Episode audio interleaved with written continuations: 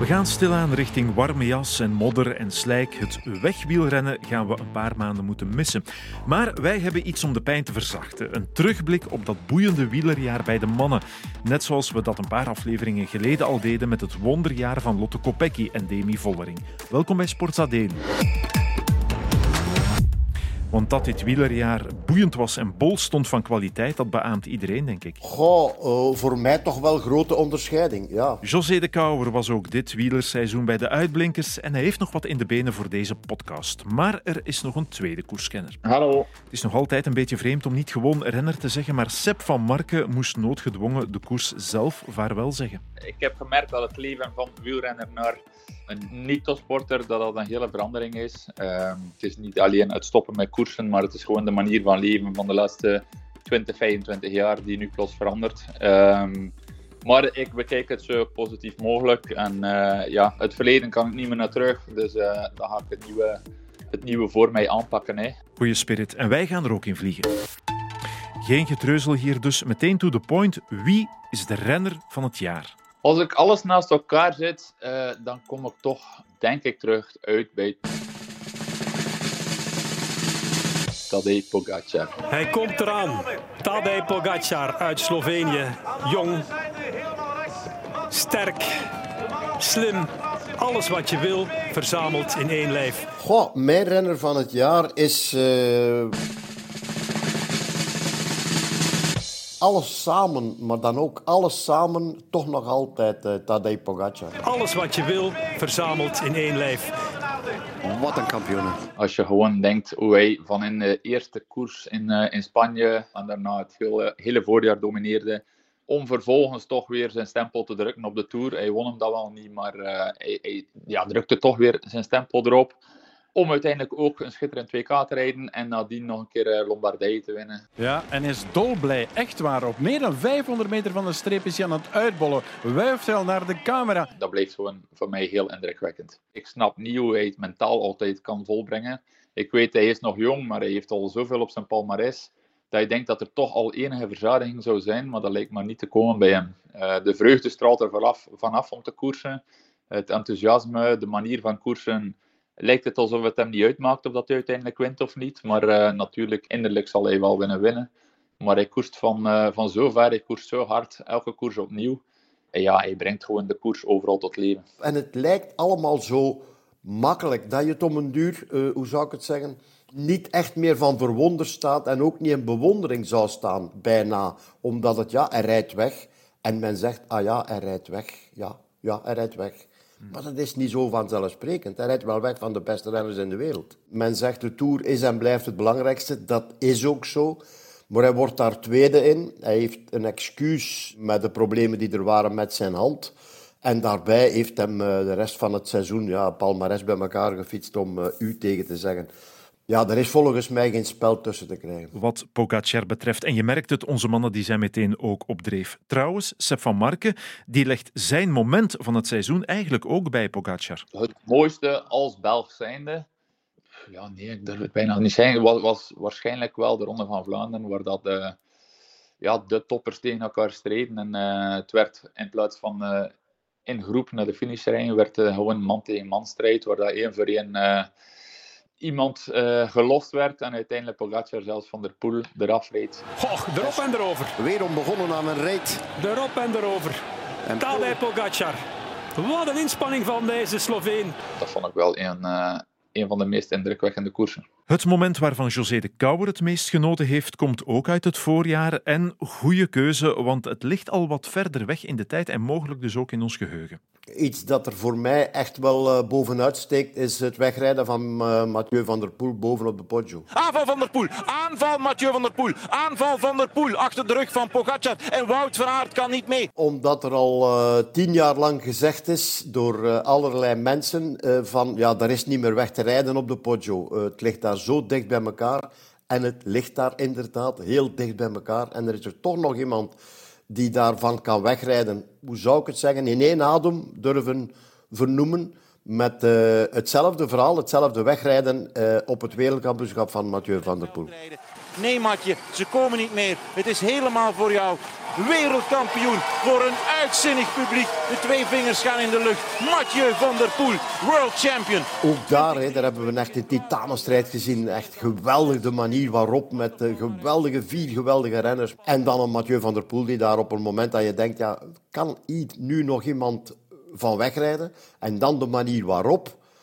Ja, dat, dat was uh, indrukwekkend. En zo zijn we al een heel eind opgeschoten. Tijd voor een volgende klasbak. Hij volgt zichzelf op op de erelijst van Luik Bastenaken Luik en doet dat inderdaad met die regenboogtrui, die wereldkampioenentrui aan. Remco Evenepoel, je bent een god van wielerland. Prachtig, puur qua, qua gevoel is het, uh, is het echt uniek. Uh, ja, een mooie foto, hè. het gaat een mooie foto worden. De benen waren gewoon goed, de ploeg was gewoon goed en uh, ik denk dat we het wel verdienen vandaag. Als je ziet wat Remco allemaal gewonnen heeft, uh, van van Catalonië. Uh, ik bedoel, ritten dan en in de Vuelta en de Giro en uh, Ronde van Zwitserland, San Sebastian, Luik, Bastenaken, Luik en uh, wereldkampioen en nationaal kampioen. Ja, dan heb je een geweldig seizoen gereden. Ja, dat maakt gewoon, dat zijn allemaal eikpunten die iemand ooit van droomt en hij, hij pakt ze allemaal. Um, ook opnieuw de manier hoe dat Remco koerst in alle wedstrijden is met open vizier. Als hij ergens aan de start staat, dan wil hij winnen. Hij wint niet altijd, maar dat heeft een paar keer zijn redenen. Bijvoorbeeld de Giro was hij enorm goed bezig en had hij wel kans op de Giro te winnen. Stond aan de leiding en uh, moest dan door die corona eruit. De Vuelta is dan niet gelukt, maar ik denk met alle doelen, je kunt niet alles blijven hebben. Hij had gefocust op dat WK-tijdrijden. Dat was al voorhand het plan mm. en dat lukt dan wel. Bijvoorbeeld als je vergelijkt met uh, de mannen van Jumbo, die focusten niet op het WK, die focusten alleen maar op de Vuelta. Um, ja, die ene dag in de Vuelta um, zijn er bijna geen renners die nooit een slechte dag hebben. En ik denk dat Remco, um, hij heeft heel veel klassen, maar ik denk intrinsiek is hij nog altijd meer een, een man voor één dagswerk of uh, werk van één week. Maar hij heeft natuurlijk die klasse dat hij kan gaan strijden voor een grote ronde. Dat heeft hij ook bewezen. En dus ook José de Kouwer deed alweer zijn petje af voor het jaar van Remco Evenepoel. Maar richting die eerste toerdeelname zal Evenepoel een werkpunt moeten meenemen. Dat uh, werkpunt zal uh, ja, nog altijd datzelfde verhaal van de Tourmalet. Dus uh, wat is er daar gebeurd? ik denk hij alleen samen met zijn omgeving, maar vooral hij alleen zal weten wat hem daar juist gevoeld heeft. Ik denk en ik blijf erbij dat het een opeenstapeling van stress, van van alles en nog wat was, die hem daar doen, doen blokkeren heeft of zoiets in dat genre, om dan Sanderendaags weer uit te pakken. Uh, komt er dan nog iets bij dat we, wat die laatste maand gebeurd is, denk ik, uh, ja, misschien nog veel meer voor problemen zou kunnen zorgen. En, en welke impact gaat dat dan hebben op volgend jaar? Wel, ik, uh, ik vraag me af of dat allemaal zomaar zal vergeten zijn. Ik denk dat daar heel veel ehm, zal moeten gepraat worden, heel veel overleg zal moeten zijn om dat allemaal terug in goede banen te leiden. Dat is in mijn ogen, in mijn ogen als ex-ploegleider, zomaar niet iets dat eh, binnen de kortste keren dat je moet vergeten, onder de tafel vegen, het licht aansteken, de deur open doen en dan zeggen ja, we beginnen met een nieuwe zaak. Zo werkt dat niet, denk ik. Dus jouw raad voor Remco is voer een paar goede gesprekken voor het zich allemaal weer op gang trekt. Ja, helemaal. Ja, met met, met z'n allen. Hè. Met z'n allen. Ja, groepsgesprekken. Uh, hoe is dat kunnen komen? Waarom hebben we dat gedaan? Hoe, wat, welk. In alle openheid, in alle openheid daarover spreken, daar niet mee blijven rondlopen, dat iedereen zijn eigen wereldje, zijn eigen ideeën daarover krijgt, maar dat je misschien ook begrip krijgt waarom dat het allemaal gebeurd is.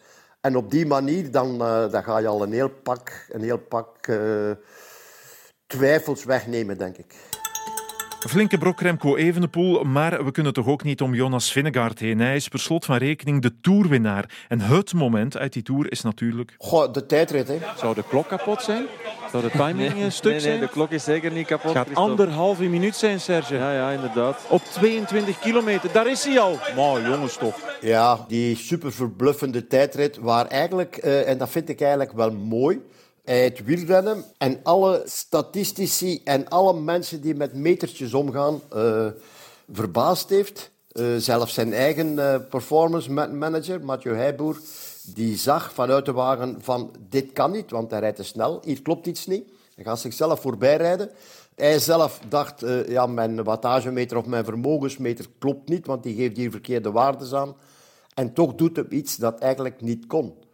En dat is nu juist het mooie, vind ik, aan, aan wielrennen. Dat oké, men kan heel veel meten, maar men kan nog niet weten of meten wanneer die goede dag komt en wanneer die minder goede dag komt. Of wanneer die superdag komt.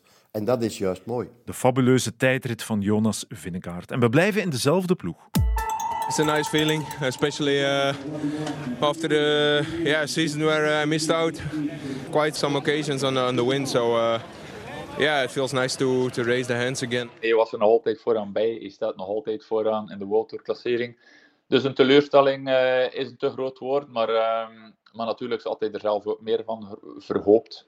En uh, laten we zeggen dat het een extra motivatie zal zijn voor volgend jaar uh, net dat, uh, dat tikkeltje nog beter te zijn. Wat wens ik Wout van Aert toe? koers voor jezelf.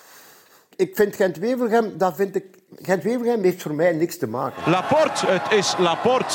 Van Aert schenkt de overwinning aan Christophe Laporte. Maar dat men door druk te leggen, door te zeggen van kijk, alleen Ronde van Vlaanderen en Parijs-Roubaix zijn goed genoeg voor Wout van Aert, dat vind ik eigenlijk een hele foute benadering in de leiding. In de zin van, oké, ik weet dat, je moet voor Wout van Aert die lat helemaal bovenaan leggen. Ja, uiteraard wij ook, maar binnen in de ploeg hebben ze dat ook gezegd. Maar op die manier leg je wel ook heel veel druk. En zo komt de finish in zicht. En dan roeren de spurters zich. Nog twee rappe mannen van eigen bodem. Arno Delis, ja, die wint tien koersen. Hij is nog altijd heel jong, maar hij wint ze ook gewoon met overschot. Hij won nu zijn eerste, eerste waterkoers, denk ik, in, uh, in Quebec. Een heel zware koers. Maar alle koersen dat hij wint en rijdt, is met, met heel veel overschot. En ik denk dat volgend jaar uh, zullen ze hem hem wel inzetten in de Ronde van Frankrijk, vermoed ik. Uh, zal hij ook uh, de kopman echt zijn voor, uh, voor alle klassiekers. En hij gaat daar ook in scoren. Dat is de, de volgende stap dat hij zou moeten zetten en dat zal hij ook doen. Philipsen ja. voor een vier. Philipsen voor vier. En hij haalt het.